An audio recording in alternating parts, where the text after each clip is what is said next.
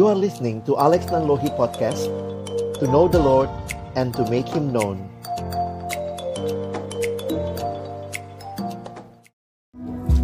Mari kita bersatu di dalam doa sebelum membaca merenungkan firman Tuhan.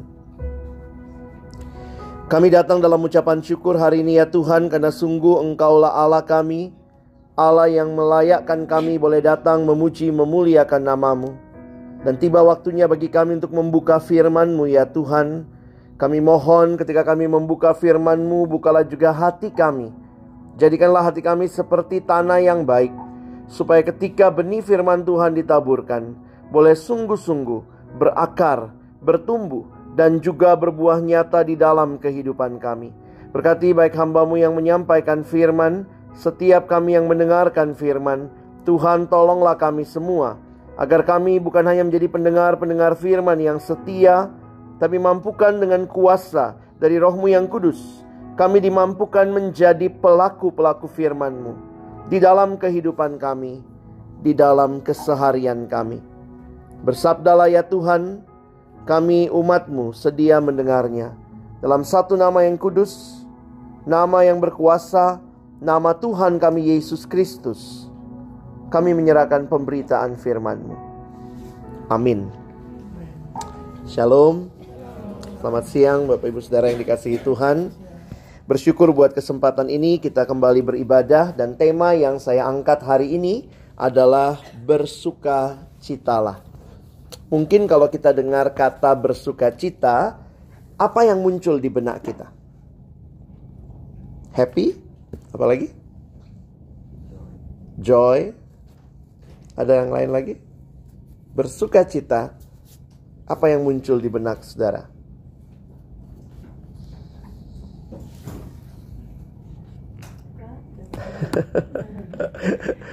Dapat undian? Mungkin banyak hal yang akan muncul berkaitan dengan kata sukacita yang menyenangkan ketika kita secara spontan memikirkan hal ini. Tapi apa yang muncul di benak saudara kalau ternyata kata sukacita itu kalau dikatakan padanannya penjara. Sukacita penjara. Mungkin kita langsung bilang wah nggak connect banget. Tapi yang menarik di dalam Alkitab kita, kita akan belajar tentang sukacita. Salah satu surat yang paling banyak kata sukacitanya adalah surat Filipi. Di dalam surat yang hanya empat pasal itu, Paulus menuliskan sampai 16 kali kata sukacita. Dan yang menarik, pada waktu itu Paulus lagi ada di dalam penjara. Sukacita, penjara. How come? Bagaimana datang? Kok bisa gitu ya? Bagaimana mungkin? Karena itu tidak heran di banyak buku-buku uh, rohani Kristen ada yang berusaha membedakan antara sukacita dengan kesenangan. Karena sukacita jauh lebih dalam daripada kesenangan. Ketika saudara dan saya bicara kesenangan, biasanya kita bicara karena sesuatu di luar kita berjalan dengan baik, memberikan kesenangan buat kita. Ini sesuatu yang terjadi di luar kita. Tetapi waktu bicara tentang sukacita, ini bicara inner joy, inner peace. Bahkan ketika suasana di sekitar kita tidak sesuai dengan apa yang kita harapkan. Jadi, hari ini kita akan melihat sama-sama dua hal saja. Yang pertama, siapakah sumber sukacita itu? Dan yang kedua, kita melihat bagaimana kita bisa mengalami sukacita itu. Nah tentu jawabannya kita sudah tahu. Sumber sukacita pasti dari Allah. Sehingga waktu bicara sukacita ini bukan sekedar bicara type of personality. Oh saya orangnya sanguin, saya sangat sukacita. It's a part of me in my blood. I was born to be happy. Tetapi ini bicara lebih dalam lagi. Sukacita adalah anugerah Allah yang diberikan kepada kita anak-anaknya. Saya ingin mengajak kita melihat yang pertama di dalam kitab Mazmur 43. Hari ini kita akan melihat beberapa bagian. Yang pertama, Saudara lihat dulu Mazmur 43 di dalam ayatnya yang keempat. Mari kita meneguhkan kembali keyakinan kita Allah adalah sumber sukacita kita. Ayat yang keempat, mari kita baca bersama-sama Mazmur 43. Satu dua, ya. Maka aku dapat pergi ke mesbah Allah menghadap Allah yang adalah sukacitaku dan kegembiraanku dan bersyukur kepadamu dengan kecapi ya Allah ya Allahku. Saudara yang pertama yang saya ingin kita ingat sama-sama Allah adalah sumber sukacita. Ketika pemazmur mengatakan bahwa Allah yang kepadanya dia datang menghadap dikatakan adalah sukacitaku dan kegembiraanku. Kita diciptakan oleh Allah dan Allah menciptakan kita untuk dirinya. Saya pikir itu doktrin manusia Kristiani. God created us for himself. Karena itu Bapak Gereja salah satunya Agustinus menuliskan kalimat yang menarik. Allah menciptakan kita bagi dirinya. Ini sebenarnya sebuah doa. Dia mengatakan, "Tuhan, Kau menciptakan kami bagi dirimu." dan hati kami akan senantiasa gelisah sampai menikmati istirahat di dalammu. Dalam bahasa Inggris permainan katanya menarik. God, you created us for yourself and our souls are restless until they find rest in you. Jadi kalau kita mau bicara bagaimana kita menikmati sukacita itu, pastikan saudara ada di dalam Tuhan. Karena dialah sumber sukacita itu. Yang kedua, mari saudara lihat di dalam Injil Yohanes pasal yang ke-15. Mari kita lihat Yohanes pasal yang ke-15. Kita akan membaca ayat yang ke-11. Yohanes pasal yang ke-15, kita akan membaca ayatnya yang ke-11. Mari kita baca ayat ini bersama-sama. Satu, dua, ya. Semuanya itu kukatakan kepadamu supaya sukacitaku ada di dalam kamu dan sukacitamu menjadi penuh. Saudara ini adalah kalimat Yesus. Jadi kalau kita melihat secara Trinitarian, tri, Tritunggal, maka di perjanjian lama tadi kita bisa katakan Allah Bapa bicara tentang sukacita karena dia adalah sumber sukacita itu. Di dalam ayat ini, ini adalah kalimat Yesus. Semuanya itu kukatakan kepadamu. Apa yang Yesus katakan? Kalau saudara melihat mulai dari Yohanes 13 sampai Yohanes 15 itu pengajaran Yesus spesifik kepada murid-muridnya. Jadi setelah dia mengajar mereka begitu banyak hal, kalau saudara lihat lalu dikatakan di sini, semuanya itu kukatakan kepadamu supaya sukacitaku ada di dalam kamu dan sukacitamu menjadi penuh. Saudara ingat bahwa Tuhan Yesus mau saudara dan saya bersuka cita. Situasi tidak makin mudah. Jadi orang Kristen pun saya pikir bukannya semuanya aman terkendali. Tuhan tidak pernah janji itu. Ada situasi-situasi hidup yang tidak mudah yang kita alami. Tapi apa kunci sukacita? Kalau saudara lihat, semuanya itu kukatakan kepadamu. Supaya sukacitaku ada di dalam kamu dan sukacitamu menjadi penuh. Berarti sukacita itu tidak terlepas dari firman Tuhan yang menjadi pedoman bagi hidup kita.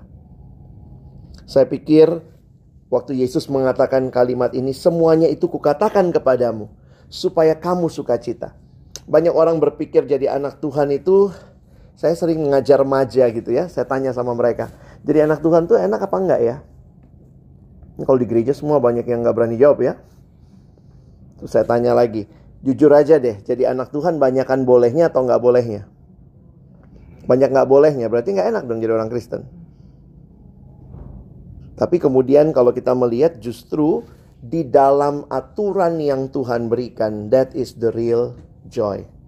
Banyak orang berpikir di luar Tuhan sukacita. Waktu saudara mengikuti semua yang saudara mau, saudara pikir saudaralah Tuhannya, maka sebenarnya kita tidak menikmati sukacita yang sesungguhnya.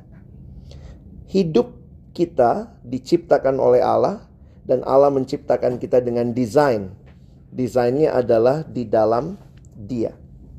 Satu pagi saya datang ke kantor di pelayanan kami lalu ada satu adik dia uh, dari luar kota jadi tinggal di Jakarta ngekos.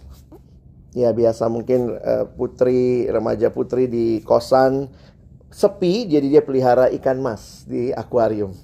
Ada akuarium kecil di kamarnya dia pelihara ikan mas tiba-tiba pagi-pagi dia datang bilang sama saya Kalex Kalex. Saya bilang kenapa? Kak tadi malam ikan mas saya bunuh diri. Ternyata pagi-pagi dia menemukan dua ekor ikan masnya sudah tergeletak mati di atas di atas karpet di kamarnya ya di samping tempat tidurnya jadi kami bahas-bahas uh, agak sedikit bercanda gitu ya. Ini mungkin ikan yang nggak disetujui cintanya sama orang tua begitu ya, lompat berdua. Tapi akhirnya um, Bapak Ibu waktu kami diskusi ngobrol-ngobrol akhirnya kita menyadari satu hal, ikan itu paling butuh air. Yang namanya ikan selama dia masih menyadari ke, ke keberadaannya harusnya dia sadar dia paling butuh air. Mungkin dia pikir, oh saya ini ikan reformasi. Saya nggak butuh air. Dia lompat keluar dari air. Waktu dia lompat keluar dari air, awal-awalnya masih kelihatan hidup ya. Lima menit pertama mungkin masih hidup gitu ya. Dia gitu ya. Habis itu mati. MPP. Mati pelan-pelan. Apa yang saudara dan saya bisa pelajari? Kalau ikan saja paling butuh air, manusia paling butuh Tuhan. Dan kebebasan sejati bukan mengikuti yang saudara dan saya mau. Ikan itu bebasnya di dalam air apa di luar ya? Di luar lebih luas nih, lebih bebas. Tapi waktu dia keluar dari air, dia sedang mengambil jalan kematian. Di dalam Tuhan banyak aturan. Saya pikir justru kalau Tuhan kita banyak aturan bersyukur ya. Kalau Tuhan bilang semua boleh, saya pikir dia bukan Tuhan yang baik. Tuhan mau bunuh bos, boleh. Tuhan mau tonjok apa eh, tenant gitu ya, boleh. Kalau semua jadi boleh, saya pikir justru orang tua yang baik ada aturannya dan Tuhan justru memberikan kepada kita aturan. Yesus berkata, "Jika anak itu membebaskan kamu, kamu sungguh-sungguh merdeka." Di dalam firman, itulah kebebasan yang sejati. Sukacita yang sejati ketika saudara dan saya tinggal di dalam firman. Karena Yesus berkata, "Semua ini kukatakan supaya sukacitaku penuh dan kamu pun menikmati sukacita itu. Jadi dari perjanjian lama tadi, Allah Bapa sumber sukacita. Yesus pun mau kita bersukacita. Sekarang kita lihat Roh Kudus di dalam Galatia pasal yang kelima. Mari saudara lihat sebentar Galatia pasal yang kelima. Ini ayat yang sering kali kita baca, bahkan kita mungkin sudah hafal. Perhatikan ayat 22. Galatia 5 ayat 22. Mari kita baca ayat ini sama-sama. Satu dua ya. Tetapi buah roh ialah kasih, sukacita, damai sejahtera, kesabaran, kemurahan, kebaikan, kesetiaan, dan seterusnya ya sampai saudara nanti ayat 23. Perhatikan baik-baik di kalimat ini, buah roh adalah kasih sukacita. Jadi kalau saudara perhatikan baik-baik, yang namanya sukacita itu adalah buah dari Roh Kudus. Saudara, menarik sekali kalimat yang dipakai. Kadang kita mungkin tidak memahami dengan dalam karena kita bacanya sekilas. Coba lihat ayat 22 ini. Kata pertama dimulai dengan kata te, ta, tetapi. Apa sih tetapi? Apa yang sebelumnya disampaikan, saudara lihat dulu. Kita naik sedikit mulai dari ayat yang ke um, 19. Perbuatan daging telah nyata. Yaitu percabulan, kecemaran, hawa nafsu. Saudara lihat, kenapa waktu bicara daging, Paulus menggunakan kata perbuatan daging. Waktu bicara roh, Paulus bicara buah roh. Jadi ini kita perlu pahami sedikit teologis ya. Pemahamannya begini. Waktu bicara perbuatan daging, itu adalah sesuatu yang sangat natural dari manusia di dalam daging, di dalam keberdosaannya. Ketika dia melakukan percabulan, kecemaran, hawa nafsu, itu very natural. Itu sangat umum bisa keluar begitu saja karena adalah manusia yang di dalam dosa. Tetapi ketika bicara kasih, sukacita, damai sejahtera, maka yang digambarkan adalah itu buahnya roh. Bukan perbuatan roh, tapi dikatakan buah roh. Kalimatnya begini, mungkin saudara hanya kalau ada Roh Kudus di dalam hidup kita, maka buah dari kehadirannya dalam hidup kita itulah kasih, sukacita, damai sejahtera dan seterusnya. Itu bukan natural karakter kita.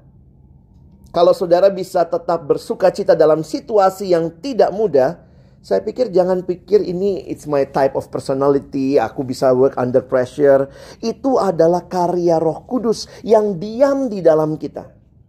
Jadi akhirnya dari tiga ayat yang kita baca, baik dari Mazmur, dari Yohanes tadi, dan dari Galatia ini, kita bisa menyimpulkan bahwa memang bukan kita sumber sukacita. Allah sumber sukacita. Ketika saudara dan saya terima Yesus dalam hidup kita, maka Roh Kudus diam di dalam hati kita. Maka buahnya itu bukan karakternya Alex, itu buah dari kehadiran Roh Kudus dalam diri Alex, maka Alex bisa bersuka cita. Kira-kira gitu ya. Damai sejahtera. Jadi akhirnya saya menyadari betul, semua ini hanya mengingatkan kepada kita bahwa if you want to experience the true joy, tidak bisa tidak, saudara dan saya harus ada di dalam Tuhan. Dan itulah yang akan kita alami. Tuhan tidak menjanjikan situasi yang semuanya mudah. Tapi pertanyaannya, kalau situasi tidak pernah mudah, tidak pernah sesuai dengan yang kita mau, apakah kita nggak pernah alami sukacita? Saya sangat meyakini di dalam sukacita pasti ada kegembiraan, tetapi kegembiraan tidak melulu atau sukacita tidak melulu kegembiraan. Waktu situasi yang sulit saya bisa tetap tenang, bisa tetap bersandar pada Tuhan, berharap pada Tuhan. Saya pikir di situ kita experience the true joy. Jadi sukacita yang Alkitab sampaikan, saudara dan saya dalam situasi yang paling sulit sekalipun, kita bisa bersukacita. Bukan cari-cari sukacita ya. Ada saudara meninggal, orang tuanya, entah ke gereja apalah itu ya, aneh pengajarannya. Jadi dia bilang, pokoknya kita harus sukacita. Jadi semua bunga papan itu dia suruh ganti. Kita disuruh turut bersukacita. Saya bilang ini mah malah jadi aneh ya. Cari-cari sukacita. Padahal maksudnya begini, Alkitab juga bicara soal ratapan. Di Alkitab ada kitab ratapan. Sehingga Alkitab memberikan waktu kita grieving. That's part of life. Jadi jangan saudara menolak, oh kalau Kristen tidak pernah berduka, Alkitab punya kitab ratapan. Berarti di dalam kehidupan kita ada waktunya untuk meratap. Tapi kalimat Paulus jangan berduka cita seperti orang yang tidak mengenal Tuhan. Jadi kalau ditanya apa sebenarnya sukacita kita di dalam situasi yang sulit? Gimana? Apa yang kadang-kadang orang Kristen suka cari-cari sukacita yang ini ya. Oh kemarin dia jatuh kaki kanannya yang uh, lecet atau mungkin patah. Uh, ya puji Tuhan tidak kiri, tidak kanan dan kiri. Jadi kita suka cari-cari. Jadi ini situasi udah sulit nih Kadang-kadang kita cari-carinya apa gitu. Nah ini ini yang saya lihat kadang-kadang orang Kristen nggak wise. Ini mungkin ya karena pengajaran di gereja selalu mesti sukacita. Ya syukur loh tadi saya terlambat 5 menit. Untung nggak 10 menit. Jadi kok cari-carinya jadi aneh gitu. Seolah-olah always blessing in disguise. Padahal sebenarnya yang kita pahami adalah begini. Satu-satunya alasan saudara bersukacita dalam situasi yang sangat buruk adalah saudara punya Allah yang tidak meninggalkanmu. We always have reason to be joyful because God is always there with us. Jadi waktu kadang-kadang jujur saudara ya, kalau situasi yang sulit gimana? Belum belum tentu kita bisa paham apa yang terjadi. Belum tentu kita bisa jelaskan dengan pikiran kita. Tapi bisa sukacita? Sukacitanya bukan situasinya saya pikir. Jangan cari-cari juga. Kadang-kadang kita jadi Tuhan gitu ya. Uh, misalnya ya, kalau orang yang kita kasihi meninggal, terus kita mau bilang apa? Oh sukacita, oh, syukur mati gitu. Emang udah nunggu-nunggu mati deh lo gitu ya. Hartanya ke gua gitu. Realitanya adalah kadang-kadang kita nggak ngerti Tuhan kenapa ini terjadi. Tapi saya bersuka cita karena engkau tidak meninggalkanku. Bulan lalu, awal bulan lalu, ponakan saya meninggal. 14 tahun. Kanker darah. Mau mau nyari-nyari alasan apa nih? Oh, oh syukur. Kadang-kadang orang datang menghibur gitu ya. Oh, ada rencana Tuhan yang indah. Saya pikir sukacita saya bukan Uh, karena kita biasa oh ya akhirnya lepaslah dia dari semua penyakitnya. Benar itu semua benar. Tapi sukacita yang terdalam adalah di tengah-tengah situasi duka yang kami alami ada Tuhan. Kadang kita nggak ngerti apa yang terjadi. Waktu banyak ber, membaca firman akhirnya saya menyimpulkan begini saudara ya. Seringkali Tuhan atau Tuhan tidak selamanya menjelaskan atau memberikan penjelasan yang tuntas atas semua pergumulan hidup kita. Atau kalau saya pakai kalimat yang lebih jelas, Tuhan tidak pernah berjanji di dalam Alkitab, Tuhan tidak pernah berjanji memberikan penjelasan yang tuntas atas seluruh pergumulan hidup kita. Kadang-kadang Tuhan jelasin, kadang-kadang tidak. Kadang-kadang kita yang coba jelasin. Syukur juga ya waktu itu ya. Oh, jadi kita coba kait-kaitin begitu. Kadang-kadang saya pikir um, kalau memang sulit dipahami, bilang aja sulit. Tuhan saya nggak ngerti kenapa engkau izinkan mama saya kena kanker, kenapa engkau izinkan papa saya meninggal, engkau izinkan saudara saya. Mungkin kita bisa berpikir, saya nggak ngerti Tuhan. Tapi satu hal yang tetap jadi sukacitaku adalah engkau hadir dan menyertai pergumulanku di saat yang sulit. That is the true joy. Kadang-kadang Tuhan jelaskan. Mungkin melalui hamba Tuhan, melalui situasi, oh ini terjadi supaya ini, ini, ini. Tapi ketika seorang teman telepon pagi-pagi, Alex, doain ya. Kenapa saya bilang? Mama saya meninggal tadi malam. Oh gitu. Meninggal kenapa? Kemarin minggu lalu kita dari rumah baik-baik aja. Mama dibunuh tadi malam. Terus saudara mau bilang apa? Cari sukacitanya di mana? Kadang-kadang situasi hidup sulit kita jelaskan. Situasi pekerjaan juga sama ya. Apa sukacita saudara? Bos baik, oh bos tuh nggak selamanya baik. uh, ada bos yang baik, ada yang tidak begitu ya. Apakah situasinya saya dapat duit, saya dapat undian, tapi harusnya kita bisa berkata situasi apa pun, I always have reason to be joy, to be joyful. Kenapa? Karena Tuhan janji, aku menyertai kamu senantiasa dan itu yang kita pegang. Sehingga saudara, sebagai bagian yang terakhir, saya ingin mengajak kita melihat bahwa sukacita ini adalah bagian yang Tuhan sediakan. Nah sekarang pertanyaannya bagaimana? Kita alami nggak? Kita sungguh-sungguh hidup dalam Tuhan, sungguh-sungguh hidup dalam firman-Nya. Orang yang sakit kepala beli obat, tapi kalau dia tidak pernah buka obat itu, tidak pernah telan obat itu, nggak ada gunanya itu obat. Kalaupun Tuhan ini sumber sukacita, tapi saudara tidak pernah memberi diri, mengalami Tuhan, buka hati bagi Tuhan, maka bayangkan kalau sakit kepala lalu taruh, maaf kata panadol, lo taruh di sini, hmm, gitu digesek-gesek gitu. Sembuh? Enggak. Saudara dan saya perlu memberi diri, membuka hati. Tuhan, biarlah engkau menjadi sukacita terbesarku. Karena itu saya kaget juga waktu membaca di dalam kitab Galatia eh, sorry kita Filipi. Ini ayat terakhir ya. Kita lihat Galat Filipi 4 ayat 4 saya pikir ini ayat yang sangat sering kita kutip.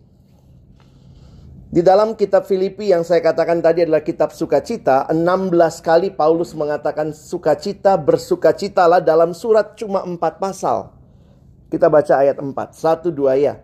Bersukacitalah senantiasa di dalam Tuhan. Sekali lagi kukatakan Saudara tahu ini apa? Ada yang mengatakan ini kalimat untuk kita bersuka cita, tapi waktu saudara perhatikan dalam bahasa aslinya, ini adalah kalimat perintah. Can you imagine? Tuhan memerintahkan kita untuk bersuka cita.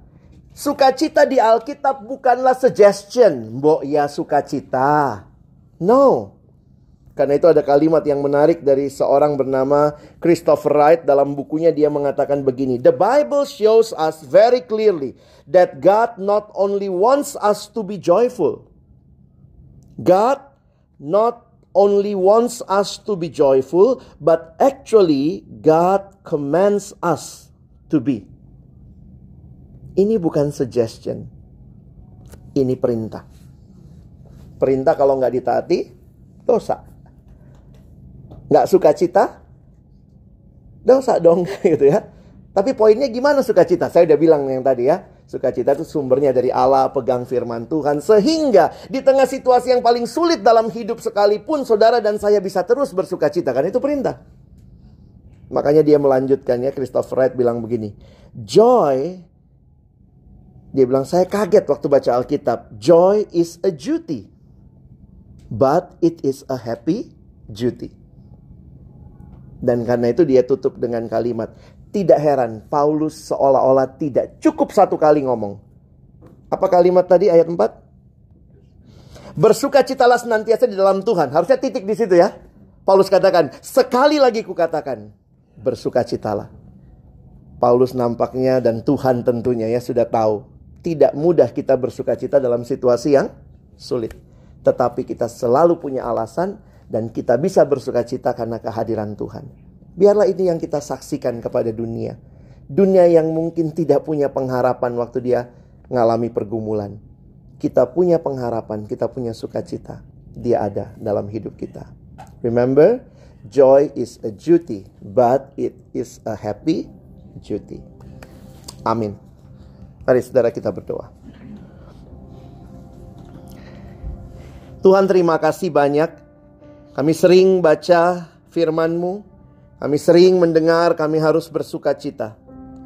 Tapi hari ini kami meneguhkan kembali pengakuan kami, Engkaulah sumber sukacita kami.